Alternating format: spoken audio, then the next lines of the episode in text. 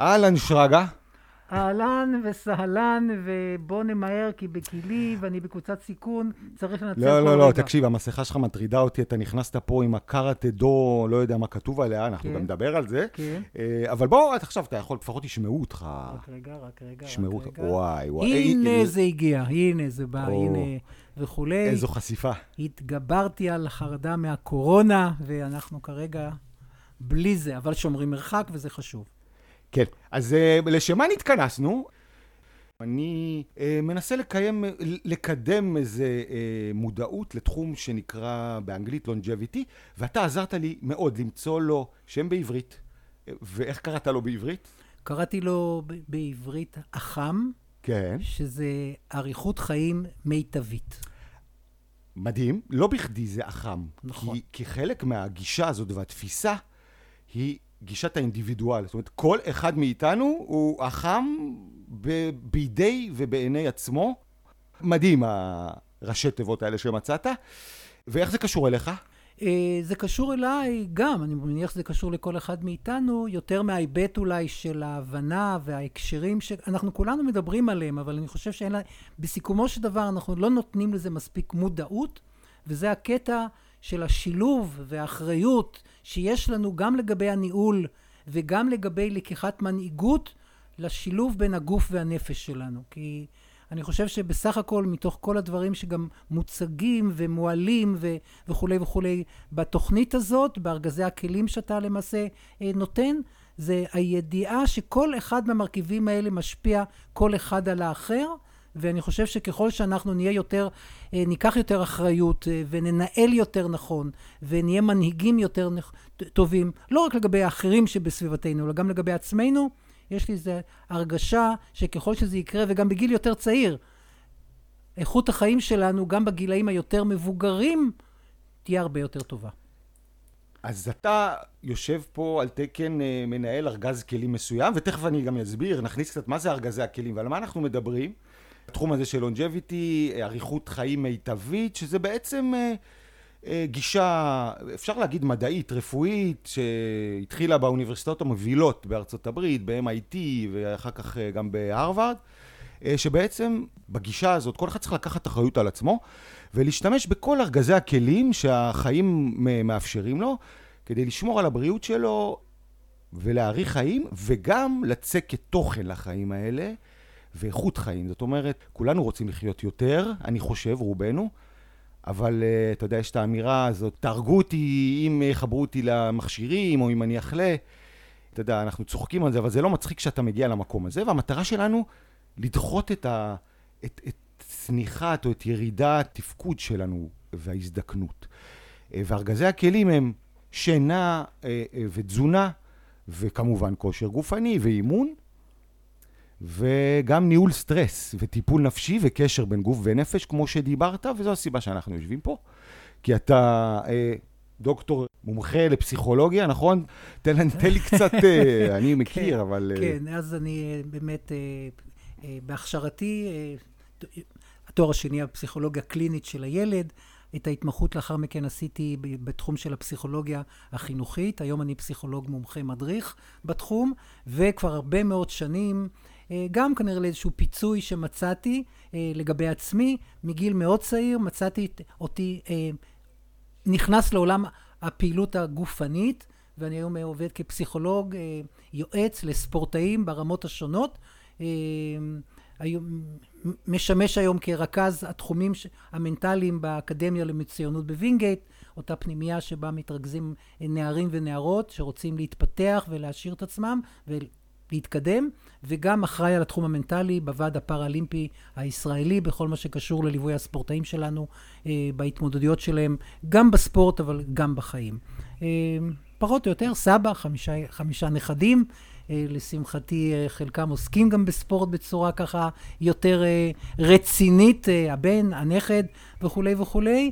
אה, נכדה שרוקדת אי-פופ. אני חושב שזה נכנס איפשהו, אני לא יודע אם בגללי או לא, אבל כן, זה היה פחות או יותר הדברים שאני היום אה, נמצא בהם. אוקיי, קודם כל הדגשת את נושא הספורט, אבל אנחנו, אתה יודע, אחד מארגזי הכלים לאריכות חיים כזו שאנחנו משוחחים עליה, זה באמת האימון הגופני והספורט. נכון. אבל זה לא רק זה, זאת אומרת, הספורט צריך לעשות מאוזן, אבל אחד הדברים שהחברה המערבית לא מודעת אליו, ולכן אה, אנחנו עוסקים גם בתחום הנפש והסטרס, אה, זה אותו סטרס כרוני שכמעט כולם סובלים ממנו, ויש לו השפעה בריאותית אה, והשפעה על ההזדקנות. וכל הנושא הזה שאנחנו משוחחים עליו הוא לא קשור בהכרח לספורטאים. אה, הוא קשור לכל האוכלוסייה. עכשיו, אני באופן אישי אה, מאוד אוהב לדבר גם עם אוכלוסייה מבוגרת, ואנחנו קצת, אתה יודע, מדורות אחרים. אתה דור אחד מתקדם. אני בגיל פחות או יותר של, דו, של דובי, הבן הגדול שלך. אגב, ככה הכרנו, mm-hmm. ודווקא מעניין אותי לדבר את הנושא הזה גם לאוכלוסייה מבוגרת. ולא בהכרח לספורטאים, וגם לאוכלוסייה צעירה שהם לא ספורטאים. ואתה אמרת לי שהנושא הזה, חשוב לך לדבר אותו לצעירים. נכון. תסביר.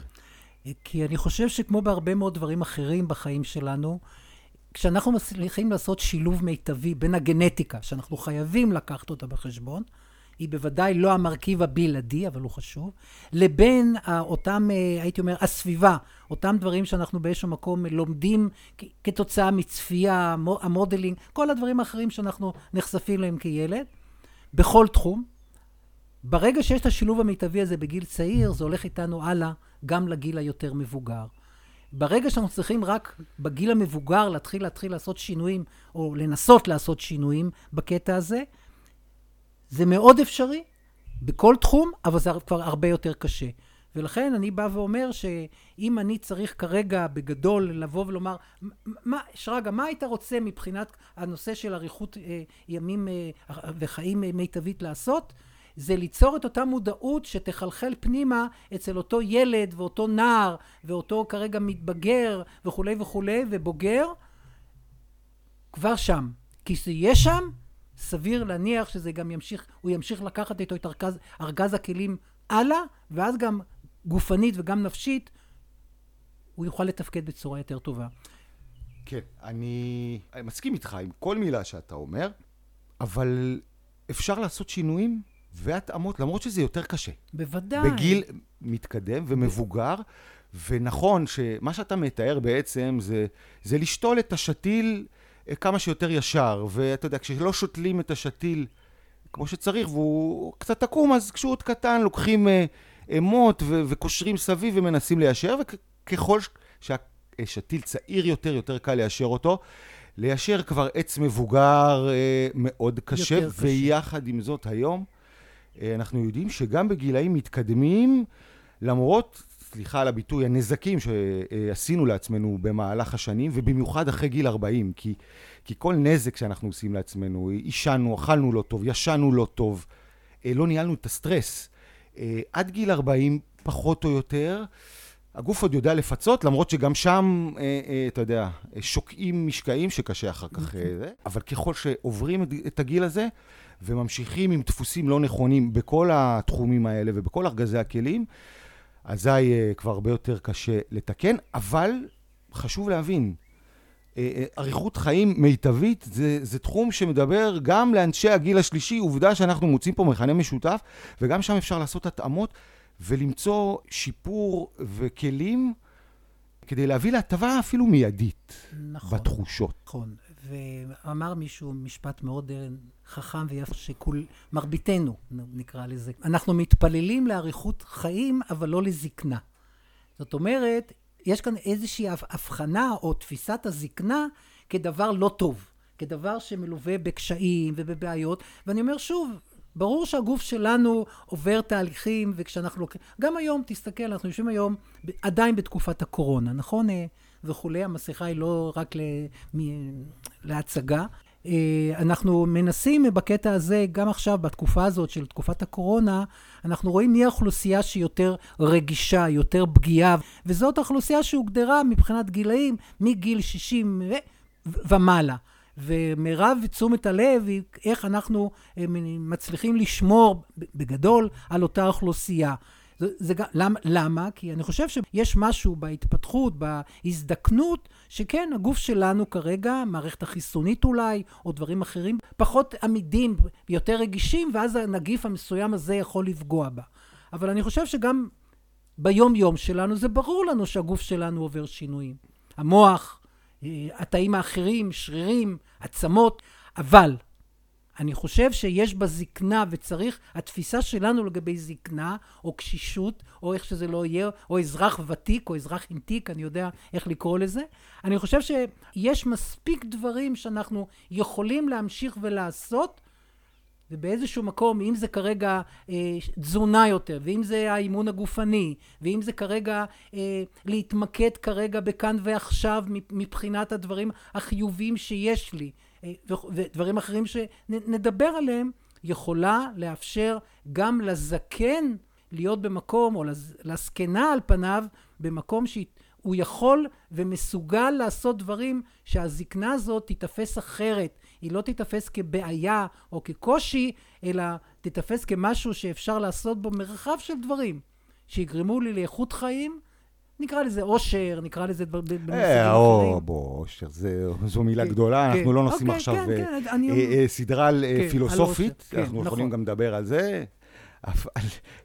זה לא המיין אישו, המטרה היא באמת איכות חיים, נגדיר את זה ככה. נכון. כשבעצם אם אני אתאר את מה שאתה אומר, אם היום עקומת החיים והתפקוד ואיכות החיים ביחס לאורך החיים של האדם הממוצע בחברה המערבית, אתה יודע, הוא חי עד גיל 83, 84, תלוי איפה, כמובן שתוחלת החיים תלך ותעלה באופן כמעט ודאי, ללא קשר לאיכות החיים, בזכות המדע וההתקדמות הטכנולוגית. אבל הדעיכה מתחילה בגיל 40, ויש צניחה, ואותה זקנה שאתה מתאר, קשישות היא תוקפת את רוב האוכלוסייה תוקפת, כן. הממוצעת כן. לא מעט שנים לפני, אה, אה, לפני סיום החיים, ו, וזו הזקנה, ומזה רוצים להימנע. וזה המדע הזה שנקרא לונג'ביטי ואריכות חיים. באמת, לחיות טוב גם בגיל 80 ו-90, כי כמו שאתה יודע, כל הבסיס המחקרי בכלל, הרקע ההיסטורי הוא אותם אזורי מחיה חמישה-שישה בעולם, באזורים שונים, של אנשים שחיים באמת עד גילאים מתקדמים, אפילו מעל מאה, ורואים שעקומת החיים שלהם, איכות החיים היא לא דועכת עד גילאים מאוד, מתבג... מאוד מבוגרים, בכל התחומים, בגוף ובנפש, ויש צניחה כמובן, אין מה לעשות ככל שמתבגרים, אבל הם חיים איכותי ממש עד... עד, עד, עד, עד ש... כן, הם, הצניחה, הזווית היא מאוד חדה בשנה האחרונה, או אפילו פתאום, אה, אתה יודע, זה מוות כזה פתאומי, מוות מזקנה, בשיבה טובה. אז אנחנו נתעסק פה בארגז הנפש. אנחנו גם נראה איך זה מתייחס לארגזים האחרים, תכף נדבר על פירמידות. איך זה מתייחס, נראה איך זה מתייחס וקשור לשינה, באופן ישיר, אה, מדעי הורמונלי, ואיך זה קשור גם לתזונה. אה, גם שינה מתעלמים. אה, היום בחברה המערבית מהצורך הכי בסיסי. נראה איך זה קשור לאימון גופני, קשר גוף-נפש, ואולי גם לתרופות, ואתה יודע, יש גם רפואה קונבנציונלית שזה גם ארגז כלים שצריך להשתמש. הבעיה היא היום בחברה שלנו, שכבר עשרות שנים אנחנו נוטים להשתמש בו כארגז הראשון, כשאנחנו רוצים לשפר משהו, או כשאנחנו בכלל מרגישים לא טוב. וצריך לשחק בין, לאזן בין הארגזים, נדבר על האיזונים בתוך אותו ארגז של אה, ניהול סטרס, טיפול נפשי, בואו נדבר קצת על פירמידות. אוקיי. אה, ולא אלה שבמצרים. אז אותם, יש לנו חמישה ארגזים, שינה, תזונה, ספורט, אימון גופני, נפש ותרופות, ומה לדעתך הכי חשוב? או, אה, אני חושב שכל אחד, אה, כל... כל נחתום יעיד על עיסתו בקטע הזה. זאת אומרת, יהיו כאלה שמיד... אני רק על גיסתי, אלה שעבר יכול להעיד. בדימוס. אז העיסה, אני אומר עוד פעם, זה מאוד ברור שכל... באמת בקטע הזה, אנשים יבואו ויגידו, אימון גופני זה הכי חשוב, ואחר יגיד, רק התזונה תהיה... ומישהו שהוא אה, עוסק בגנטיקה יגיד, זה רק הגנ... אני חושב שבאיזשהו מקום המחקרים שנעשים, ונעשים המון, מנסים באמת לעשות איזשהו, אה, אה, הייתי אומר, ניסיון להבהיר מה מהם יותר חשוב. אני כן חושב, וזה שוב, גם מדברים שבהם אמרת, אם אנחנו כרגע ניקח לדוגמה, אה, או אכילה ושינה, נגיד, אוקיי? אה, כמה זמן מה למעשה... יותר חשוב, או, לאכול יותר, נכון? או, או, או לישון נכון.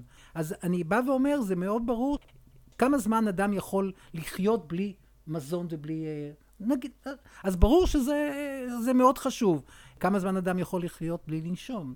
יהיו דברים מאוד ברורים. אני חושב ששינה, אם אדם לא ישן כרגע לאורך זמן אה, בצורה אה, תקינה, בצורה שהיא, שוב, זה גם כמובן מאוד תלוי בגיל וכך הלאה, ואנחנו יודעים שיש שינויים, הסיכוי שלו לשרוד הולך וקטן, וזה גם ישפיע על כך שהוא לא יהיה רעב, יותר מאשר אם הוא כרגע לא אוכל אה, זמן מסוים. אנחנו כן, ולכן אני בא ואומר, אולי השינה היא הדבר הבסיסי. אז בוא, אני, אני חייב לעשות פה סדר, כי אתה אמרת דבר מדויק. ואני בכלל הופך בזמן האחרון בנושא הנשימות, שבעיניי הוא כנראה ארגז כלים לא פחות חשוב מאחרים, אם לא הכי חשוב, ואולי הוא בכלל בתחתית הפירמידה, ואנחנו נדבר על פרקי זמן. איך מודדים מה הכי חשוב. Okay. אוקיי. אה, מבחינתי, אה, מה הכי חשוב זה אם אותו תחום שאיתו אנחנו יכולים להסתדר, אבל למשך זמן אה, קצר ביותר. זאת אומרת, ופה נכנס עניין הנשימות, אנחנו נדבר גם על נושא הנשימות בהמשך, אה, משהו שאתה מאוד אה, מחובר אליו, כן. אבל אנחנו לא יכולים להמשיך לחיות יותר מכמה דקות לולא נשמנו. נכון. אחד. אה, אנחנו לא יכולים לחיות יותר מכמה ימים ללא שינה. שלושה, ארבעה ימים לדעתי, אחרי ארבעה, חמישה ימים, אנחנו מביאים את הגוף שלנו לסיכוי טוב למוות, נכון? אחרי חמישה, נניח, חמש יממות ללא שינה. אז אני, זה בעצם המדרג השני או הראשון בפירמידה, הבסיס הרחב. לגבי תזונה, אנחנו יכולים לשרוד אם לא אכלנו נניח עד שבועיים, שזה יותר משינה. זאת אומרת, גם אם נאלצנו, אתה יודע, יש כל מיני סיפורים. כל שופטי הרעב למיניהם. שופטי אנחנו... רעב, כן. ו... אבל שופטי רעב הם לפעמים, בדרך כלל תחת פיקוח רפואי. אני מדבר על כאלה שנקלעים למצבים, כל מיני uh, מטוסים שהתרסקו ברעידות אדמה, אנשים שנקברו תחת הריסות וחולצו אחרי הרבה מאוד ימים. השבועיים פחות או יותר, אפשר לחיות בלי לאכול בכלל. לא ניכנס לעניין השתייה, שזה חלק נכון, מתזונה, אבל מים נכון. כמובן uh, גם צריך, אבל גם אפשר להסתדר ולשרוד. בלי אימון גופני, שהוא גם ארגז כלים חשוב, אפשר לחיות לנצח. אל תתאמן אף פעם. מה זה יעשה לך, אנחנו יודעים שזה לא טוב. אה, כנ"ל לגבי עניין הטיפול הנפשי והניהול הסטרס, שזה הכלי שבו נעמיק בסדרה הזאת שלנו. אז זו הפירמידה מבחינתי. עכשיו, אה, חוסר מודעות לשינה בחברה המערבית. אתה יודע, שינה זה הרי לחלשים. אה, לא, אנשים לא מבינים עד כמה מי שלא ישן הופך להיות חלש וזקן, ואיכות החיים שלו אה, יורדת. מקובלת עליך? כן, כן, אני, עוד פעם, כמובן שהכל... מזכיר צריך... לי קצת פירמידה אחרת. כן, נכון, אה, פירמידה של אברהם מסלאו, פירמידת הצרכים, אנחנו מלמדים... תן לנו... כל, זה... כל מי שלמד פסיכולוגיה, מבוא אחר, נתקל ב, ב, בפירמידה הזאת. אותה פירמידה שבה מסלאו, אחד הפסיכולוגים שבאים מהגישה ההומניסטית, בא, בא ואמר למעשה שאנחנו צריכים קודם כל אה, בתהליך ההתפתחות שלנו, אה, כדי להיות מסוגלים להגיע יותר מאוחר אה, להגשמה של אה, דברים אצל כל אחד מאיתנו, צריכים קודם כל לספק את הצרכים הפיזיולוגיים. זה הבסיס. עכשיו, נכון, הוא כלל בפנים גם שינה ואכילה, אה, מגע של האם, אבל בסך הכל, אם הצרכים האלה לא מסופקים כרגע, ודופק לך כרגע מישהו בדלת, ואתה פותח אותה, ועומד שם אדם שאתה רואה, שרועד מקור, והוא הוא, הוא מבקש פת לחם וכולי, ואתה עכשיו תגיד לו, או, אני רואה שאתה כרגע באמת נמצא באיזה מצוקה נפשית מאוד גדולה, הוא לא יוכל להתעסק איתך כרגע בזה. תן לו קודם את השתייה, תן לו את הלחם, תן לו קצת לישון, ואז נראה איפה אפשר ללכת הלאה. ומאסלו, זה מה שהוא אמר למעשה בתיאוריה, בתיאוריה שלו. תתייחס קודם, תספק גם את הצרכים הפיזיים, כדי שנוכל להמשיך הלאה ולהתקדם לדברים אחרים. כן. אנחנו בסדרה הזאת נצלול גם למובנים ההורמונליים של, אה, של השפעות אה, ניהול הסטרס וחוסר ניהול הסטרס. כמובן, על ההשפעות הפיזיולוגית שזה יכול להביא, דיברנו על מערכת חיסונית ועל כל המחלות. אגב, אם אתה אוכל לא נכון, אתה עשוי, תלוי במבנה הגנטי שלך, או להשמין בבטן, או יצטבר לך שומנים בדם. או יש לך סיכון לאירוע מוחי, או לסכרת. אותו דבר, אם לא ניהלת נכון את הסטרס ואת ההורמון הזה שנקרא קורטיזול וכל מה שמסביב, אה, זה כמו לא לנהל נכון את האינסולין. קשר בין גוף ונפש, והתוצאות וההשלכות הם אותו דבר. עוד פעם, כל אחד על פי הגנטיקה והרגישויות שלו, אלא שלסטרס וניהול סטרס אין מודעות. ועיקר העניין הוא מודעות ומודעות עצמית, אה, כדי להיות אותו החם, כדי להיות החם אתה חייב להיות מודע לעצמך. כי אתה האיש הכי חשוב, למעשה, באמת, כי כשאתה מצליח לשמור על זה, יהיה לך גם הרבה יותר קל לעזור לאלה שאתה רוצה לעזור להם. אם זה כהורה בקטע הזה, אם זה כמפקד, אם זה כמנהל במקום עבודה, אה, או בכל, באמת, או כמדריך או כמאמן בספורט. אם אתה מצליח לנהל את עצמך נכון, בסיכומו של דבר יהיה לך יותר קל. אני לא בא ואומר שאתה תצליח לגבי כל אחד, אבל גם לנהל ולהנהיג את האחרים. אבל קודם כל בוא ננהיג אה, את, את עצמנו בקטע הזה בצורה, בצורה המיטבית. וזה אחד המסרים שאני חושב שחייבים לעבור תבדוק, תסתכל. הנה, אני רוצה רגע לקחת אה, פסק זמן קטן. כל אחד, מי שמקשיב לנו אה, כרגע... פסק זמן? מה? קטן. מה אנחנו... כן. אוקיי. אוקיי. לא, לא, אה, מש, משהו קטן כרגע. אתה צריך לשירותים? ושכל אחד... לא, לא, לא, לא, לא, אה, כרגע לא. למרות... אפרופו צרכים? למרות... פירמידות הצרכים? עשיתי זה כבר במקום, אני כבר התרגלתי. כל אחד מאיתנו כרגע, אלה גם שמקשיבים לנו, יעשה לשנייה סטופ קטן, וכרגע ינסה להתמקד במחשבה איפה שאתה נמצא, בבית, במשרד, במכונית, בלי שכמובן זה יפריע לך לדברים שאתה עושה, אבל לרגע להתמקד ולנסות לזהות עם המחשבה. מקום מסוים בגוף שלך כרגע, שאתה מרגיש שיש בו רמת מתח יותר גדולה. במהירות תעשה את זה, רגל, יד, אה, אני יודע, בעורף, אה, מצח, לא, במהירות. זיהית? זיהית כרגע? תאפשר, תאפשר לעצמך כרגע להרפות את זה, כי זה, זה מתח מיותר כרגע. לא, אתה לא צריך אותו כרגע לצורך מה שאתה עושה ממש בשנייה הזאת. ואם הרגל קצת מתוחה, העורף, תרפה. אם זה קצת, קח נשיפה עמוקה, תוציא. תודה רבה, יופי. עכשיו, מה שאני בא ואומר, שאותה נשימה שאנחנו נולדים איתה, כי אנחנו לא לומדים הרי לנשום, זה מנגנון ש... הגיע איתנו כדי לעזור לנו להמשיך ולתפקד, אם נלמד גם להשתמש בה ולהיעזר בה, כדי בנקודות זמן מסוימות להרפות מתח שהצטבר בגוף, סביר מאוד להניח שאותו מתח שאם אני לא שם לב אליו, הוא ימשיך להצטבר ולא שמתי לב, שבאיזשהו מקום היד שלי כל הזמן מתוחה, לא שמתי לב, אבל זה צורך, וזה צורך כרגע אנרגיה מהגוף. ולכן גם בהרבה מקרים אני יכול לבוא ולומר שספורטאים, שגם ככה יש בהם, נמצאים באיזה רמת לחץ כי הם רוצים להצליח וכולי וכולי, בעניין הזה, הלחץ הזה מש, מש, שולח את כל אותם אה, הורמונים כאלה ואחרים שמצטרפים למתח שקיים גם כתוצאה מזה שהגוף מתאמץ, ואז שריר נקרע. לא אה, בגלל שהוא עשה איזה מאמץ עילאי, אלא כי באיזשהו כן. מקום זה הצירוף של. אה, אני קצת רוצה שממש בנקודות נזכיר על מה, על מה, אלה דברים אנחנו הולכים לגעת בהם. כי, כי בכלל, אותו סטרס שאנחנו מדברים עליו, נתת גם דוגמה מתחרויות, אפשר לדבר בכלל על פחדים, זה מאוד רחב. אותו סטרס הוא בעצם מנגנון חיובי. נכון. מאוד חיובי, שהאדם זקוק לו, אתה יודע, כדי לגייס כוחות ולהתמודד עם מצבי, נגדיר אותם, מצבים מאתגרים בחיים. המצב המאתגר הידוע, אתה יודע, על פי הסיפורים הקדמוניים, זה הלברוח מהנמר, אותו אדם שעד לפני שהפך אה, להיות אה, מבוית אחרי המהפכה החקלאית, אתה יודע, הוא היה מה שנקרא לקט צייד, היה חי, לא ניגע עכשיו בתזונה, אבל בשר מן החי, צמחים, כל מה שהוא מצא. והוא לא היה אוכל באופן סדיר גם, אתה יודע, מתי שהוא היה מוצא, אז הוא היה צריך להיכנס לסטרס. כשהוא היה רואה חיה, שהוא רוצה לצוד אותה, הוא צריך לגייס אנרגיות בשביל לצוד אותה, זה לא פשוט. אה, בואו, תחשבו שאתם עכשיו רואים איזה נמר או איזה איילה בטבע, אין לכם אקדח, או רובה ציד, או אה, גם לא רכב או אופנוע כדי לרדוף אחריו, אפילו לא אופניים.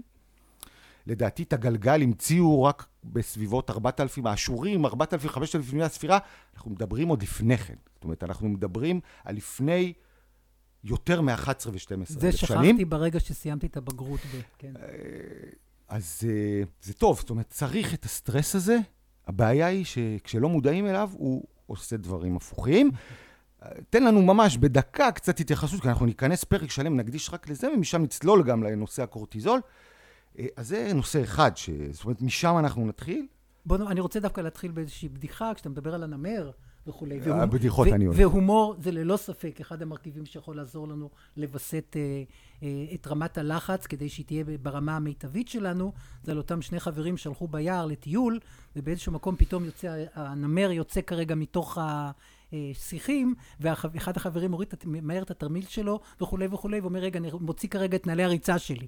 אז הוא אומר לו, מה, אתה רוצה להשיג את הנמר? הוא אומר, לא, אני רוצה להשיג אותך.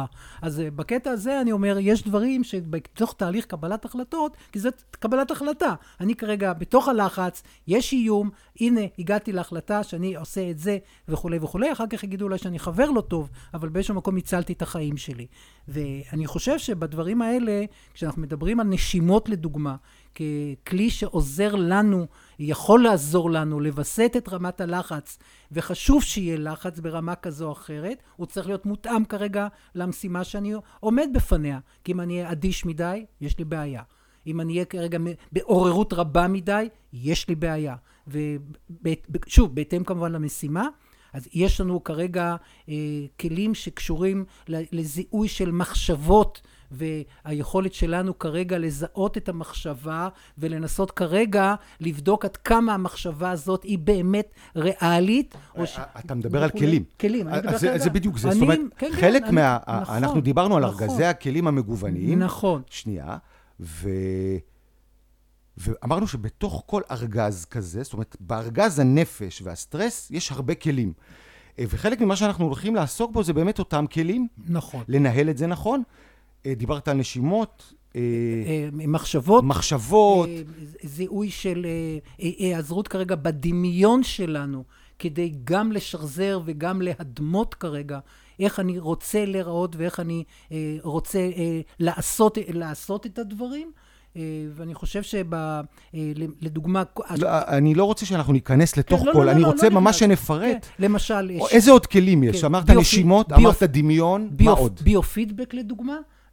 איזון או משוב ביולוגי, שיש לי אפשרות גם לראות את זה, ואולי אפילו נוכל לעשות כאן איזושהי סימולציה קטנה, כדי להראות לכם כמה זה עובד במצבים האלה. ואלה הכלים שאני אומר עוד פעם, אם אנחנו כרגע עושים אותם, אז אני גם בא ואומר, יש לי בשביל מה. אה, וזאת המשמעות. אני רוצה רק לומר דבר אחד, אה, בגדול כמובן, וזה מאוד יהיה פשטני לג, לגבי הדברים. ניקח את פרויד, וניקח את ויקטור פרנקל. שני, באמת, אה, פסיכיאטרים מאוד מאוד משמעותיים בכל מה שקשור לפסיכולוגיה שלמעשה אנחנו מאפיינת אותנו. עכשיו, פרויד בגדול, כמובן, לא רק, דיבר יותר על הצורך בקתרזיס. ב- להתנקות, להירגע, להגיע לאיזשהו סטטוס של רגיעה וכולי, כדי שנוכל באמת להמשיך, לתפקד וכולי וכולי. ויקטור פרנגל, לעומתו, שהוא היה אה, יחס, יחסית, עוד פעם, אה, נפטר לא מזמן, אבל הוא, הוא מאוד היה מודע גם לגישה הפסיכואנליטית של פרויד, בא ואמר, מה? לא נכון. האדם מחפש גירויים. האדם מחפש כל הזמן דברים שיעוררו אותו, והוא פיתח את הלוגותרפיה, את הקטע של תורת המשמעות. ואני חושב שאני חוזר למה שאמרתי בהתחלה. כי אני חושב שאם הזקנה תתאפס, תתאפס, סליחה, כמשהו די, זה הסוף כבר. אין מה, באיזשהו מקום נתנו לעצמנו לאבד משמעויות שיש לנו, ובשבילם כדאי, כדאי ללכת לחדר הכושר, כדאי לאכול נכון, כדאי לבלות, כדאי לקיים אה, אה, אה, יחסי, יחסי מין וכולי, כי הזקנה יש בה לעיתים דברים, ואם נסתכל, כמו שגם בקורונה גילינו בתקופה הזאת, שיש דברים שמצאנו שהם חיוביים, כנ"ל גם בזקנה. אז מה שאתה אומר בעצם זה שאפשר לטפל בכלים ולרכוש כלים, לנהל נכון את הסטרס הזה, כדי להיות יותר בריאים ולהאריך חיים, כי אנחנו ניכנס גם למשמעות של הסטרס, המשמעות השלילית, בריאותית ממש, אה, ודיברת על נשימות ועל דמיון מודרך אה, ועל שיחות. אה, זה גם כלי, כלי מאוד אינדיבידואלי, זאת אומרת, יש כלים טכניים יותר כמו הנשימות, על ביופידבק, שזה מדהים, כי אתה ואני, יצא לנו קצת לדבר על מה שנקרא פסיכולוגיה פיזיולוגית. נכון. שאני טוען, אה, למיטב ידיעתי, ממה שאני מכיר ויודע, ובאמת ידיעותיי אה, קטנו מידיעותיך בהרבה, בוודאי בתחום הזה, אבל ממה שאני מבין, הכל במוח. זאת אומרת, הכל בפיזיולוגיה, בנוירולוגיה, כולל הפיזיולוגיה. זאת אומרת, כדי לנהל נכון את הסטרס, את המתח הנפשי, את החיובי לעומת השלילי, צריך להבין שזה מתחיל לנו פה. לא סתם אנחנו מדברים על הורמונים, זה לא... אה, זה כאילו נשמע נורא רוחני, נשימות, ואתה מתעסק, ב, אתה יודע, באומנויות לחימה שיש בה, אבל זה כל כך, כל כך גופני, וזה זה החיבור שאיתו אתה התחלת, בין הגוף והנפש, ואי אפשר לנתק אותו. נכון, וניקח כרגע רק באמת אה, דבר אחד, ואולי נפתח אותו בהמשך. אה, כל כך הרבה מחקר קיים היום, ומראה באופן מאוד ברור שפעילות גופנית, פעילות גופנית, משפיעה ויכולה לווסת כרגע רמת דיכאון, שזה משהו על פניו אה, נפשי, בצורה, בצורה מעולה אפילו. ואם אני כרגע מצליח לגייס את אותו אדם לפעילות הזאת, שוב, מוטיבציה, צריך לחפש הדרך, והוא עושה פעילות גופנית, רמת הדיכאון שלו, גם ביחס לקבוצות ביקורת של שימוש בכדורים שצריך, הרי דיברנו גם על רפואה ותרופות, וזה ברור לי שזה אה, דבר שהוא אה, אה, חשוב וכך הלאה, אבל אני חושב שגם היום, אם אתה הולך כרגע לתזונאית לדוגמה, ואומר לה, אני כרגע, יש לי רמת סוכר יחסית יותר גבוהה, היא בדרך כלל לא תגיד, אוקיי, בוא נלך כרגע לטיפול תרופתי, שאולי צריך אותו גם, אבל בואו נתחיל קודם בתזונה נכונה, פעילות גופנית, ויש בואו נתחיל בנשימה ובשינה, נכון, ואחר כך נבדוק נכון, את התזונה. ואני בא ואומר עוד פעם, אם התזונה נכונה, ובאיזשהו מקום אני עושה פעילות גופנית, השינה שלי יכולה להיות הרבה יותר טוב, ואז, טובה, ואז אני בא אחרי כמה זמן, ובודקים לי סוכר, ואין. עכשיו, אני לא בא ואומר שזה בכל מקום, אבל צריך לעקוב, אבל לא מיד כמובן ללכת לטיפול התרופתי. גם, גם, כנ"ל לגבי אני יכול לשמוע אנשים שבאים ואומרים, אז אני אקח uh, כדור uh, להרגעה, כן, הכדור להרגעה יכניס אותם חומרים, שייתכן, אני לא בא ואומר שלא, אם שינן, כלומר, מה, הוא אומר לי, אני לא יכול לישון טוב, אני לא נרדם. אני אגיד, אוקיי, אז בוא נבדוק כרגע את הסיבות, ומאוד יכול להיות שכרגע זה דרך אגב קשור לתזונה, כי הוא אוכל לא נכון, או אוכל דברים כרגע שיוצרים עוררות יתר בקטע הזה, או בוא כרגע נעשה, נש... נעבוד על נשימות כרגע, או נעשה הבהרה לאותם מקומות שיוצרים את החרדה, ואז האדם בא ואומר, אני, אני, אני ישן, אני לא יודע, אני לא אוהב את הכוח המשחק כמו תינוק, כי תינוק, יש תינוקות שמתעוררים כל שעתיים ובוכים ורוצים כרגע לאכול, אבל אני ישן טוב. ולכן אני אומר שבדברים האלה, המרכיבים האלה שיכולים ללוות וצריכים להיות חלק מתוך ארגז הכלים של ילד, נער, אה, בוגר, וגם אנשים שאחר כך מגיעים לגיל אה, של אה, זקנה, קשישות וכולי, זה כבר חלק כל כך... מתוך הדברים שהם עושים, שכשאתה פוגש אותו, אתה אומר, וואלה, הוא אומר, אני היום מרגיש שאני יכול לעשות דברים שאפילו לפני עשרים שנה לא עשיתי. בהרבה מקרים אנחנו שומעים את זה, אוי, פעם עשיתי, פעם עשיתי. אה, אני חייב להגיד לך משהו, להתייחס לנושא הזה, ואנחנו מיד נסיים, נסכם ונמשיך בפעם הבאה. נתת דוגמת התרופות, שהיום בדרך כלל, אה, קודם כל נותנים את התרופה בלי לבדוק, ולי סיפור אישי על סטטינים. Okay. אוקיי. נגד שומנים בדם, שבגיל 26 כבר רשמו לי. אני לא יודע אם אתה מבין את המשמעות הביולוגית, על ההשפעה, התופעות הלוואי לטווח ארוך של סטטינים על השרירים. בגיל 26 הרופא אה, רשם לי את זה. עד היום אני הופך, אם לקחת או לא, גם היום הרופא, רופא המשפחה לוחץ עליי להתחיל לקחת. אז זה בדיוק זה, הסטטינים האלה, יכול, אם נותנים אותם למאה אנשים, יכול להיות שיש כאלה שהם יצילו חיים, וגם תלוי גם באיזה גיל. אולי בגיל מתקדם, אתה יודע, שאתה כבר לא תהיה איזה אה, אצן, או אתה צריך לעשות פעילות גופנית, אבל מתונה, אפשר להתחיל לקחת. אם תתחיל לקחת בגיל צעיר, אתה לא תחיה לאורך זמן באריכות חיים. וגם הקשר של שינה תזונה, גם אני, בגלל הקורונה, אתה יודע, התערבבה לי השינה, ולא הבנתי, וחשבתי שזה בגלל הקורונה. והבנתי שזה בגלל התזונה שלי, כי אני נוקט לעיתים בגיש, בשיטה של צום. Mm. okay. לסירוגין, ופשוט סחבתי את הצום הזה קצת יותר מדי, והתחלתי לאכול בשעות מאוד מאוחרות, והתייעצתי עם תזונאי, אה, עם שון, שאיתו אני מדבר על התזונה, והוא אמר לי, תקשיב, זה הצום, אה, אתה כבר יצאת, הוא לא בשליטה, ובגלל זה אתה לא נרדם, כי אתה אוכל, mm-hmm. מתחיל לאכול, מתחיל לאכול מאוד מאוחר. זו דוגמה, למשל, איך בתזונה, הסטרס הטוב שהצום משיג, איך הוא יכול להפוך, כשלא מנהלים אותו נכון, לסטרס לא טוב, גרם לי לבעיות שינה. עצרתי, חזרתי, עשיתי, אתה יודע, איזה reverse engineering כזה כדי לבדוק. וכן, לא לקחתי כדורי שינה. כי אתה לוקח את הכדור שינה, אתה ישן לילה אחד כמו תינוק, אחר כך אתה דופק לעצמך את מה שנקרא המקצב הצירקדיאני, נדבר על זה. כן, אוקיי. אז אנחנו גם ניתן פינות הטיפ של נשימות, ונבדוק ביופידבק, נעשה איזה ניסוי, ונהיה אולי גם במעבדת שינה, או שנדבר עם איזה מומחה שינה, חבר טוב שלך, אה, מוכר בתחום. מאוד. אה, ונדבר גם עם רופא, אה, לראות את היחס שלו לתרופות בעניין הזה. אה, נראה לי שהולך להיות מאוד מעניין. אה, שוב, טיפים, תעשה קצת תרגילי נשימות, תיתן לי קצת מהקראטה, מה... אה. ספר לי קצת על המוזיקה שאתה מגיע איתה תמיד עם ה... כן, אנחנו, אני חושב שיש... יש איזה מוזיקה שאתה שם ברקע, ואותי זה כן, משגע עם ההפרעת קשב שלי, גם על זה אנחנו נדבר. אה, אוקיי. אה, אני חושב שיש באמת כל כך הרבה דברים, ויש לנו גם נגישות מאוד גדולה. זאת אומרת, וניקח כרגע רק את הקטע של, של מוזיקה, ואנחנו יודעים שעד כמה מוזיקה, מהרבה מחקרים, משפיעה על גלי המוח שלנו. היא יכולה לעורר אותנו, היא יכולה באיזשהו מקום להרגיע אותנו. זה בדיוק כרגע, יש לי פה את הקפה כדי להתעורר, ויש לי את המים כדי, בקטע הזה אני קצת מרגיע, שאיזשהו שילוב מאזן. אני חושב שבהיבט הזה אה, אנחנו יכולים אה, לבחור לעצמנו נעימ, שתי נעימות הייתי אומר, או שני מקצבים, מקצבים, מי שאוהב מוזיקה, אחד מעורר, אחד אה, בקטע הזה מרגיע. ובהתאם למצב הרוח שלי, אני כרגע יושב, להקשיב, באמת, לשים אותו ככה ברקע, זה משפיע על גלי המוח, ונרצה או לא נרצה, זה מכניס לאיזשהו מוד אחר של אה, אה, פעילות וכולי, ואז דבר פשוט. הדבר שאמרתי, לעבור במחשבה במהירות על הגוף שלכם, במהירות כרגע. לזהות עוד פעם גם עכשיו, משהו של הופ, תרפה, תרפה, שחרר וכולי. זה מונע כרגע אה, מדברים, אה, ממתח להצטבר. אה, טיפ קטן נוסף לכולנו.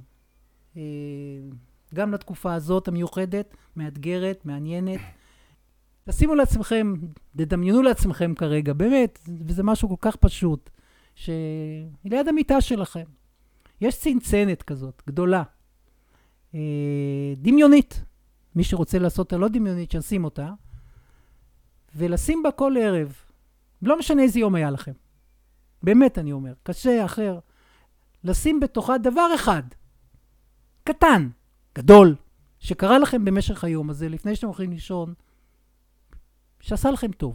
חפץ או פתק? מה, לא, לכתוב ולשים לא, בצנצנת? אני אומר, יש כאלה שכותבים, יש כאלה שמבחינתי גם הפתק יכול להיות דמיוני לגמרי. אני כן מציע, מי שלא מתעצל ובא לו, לכתוב. דבר קטן, לא חיבור. משהו קטן שמזכיר לי, אני, אני יכול להגיד, חיבוק כרגע שכבר מתחיל להיות יותר ויותר עם הנכד, לדוגמה. חיוך, מילה שבאיזשהו מקום שמעת שאמרו לך. אה, כתבת משהו, ו... מאוד, מוזיקה ששמעתי, שמעתי את זה, אחר כך היום היה יותר קשה, אבל וואלה, ראיתי את, שמעתי את המוזיקה וזה עשה לי טוב. משהו קטן, ולשים אותו בתוך. אם זה גם פתקים שאתה שם, ברגע שיתמלא, קח לך צנצנת גדולה, לעבור על זה, לקרוא, לזכור. כי אני חושב שזה משהו כל כך קטן, כל כך מיידי וכל כך תורם. תשמע, קודם כל אני הולך לנסות את זה, ובמפגש הבא נפתח את זה קצת, נראה מה, איך זה עובד. אחלה טיפ. לי יש טיפ אחר, משלי, אם כבר, אפרופו בטיפים, אתה מכיר את הדבר הזה, נכון? זה שעון מעורר של פעם.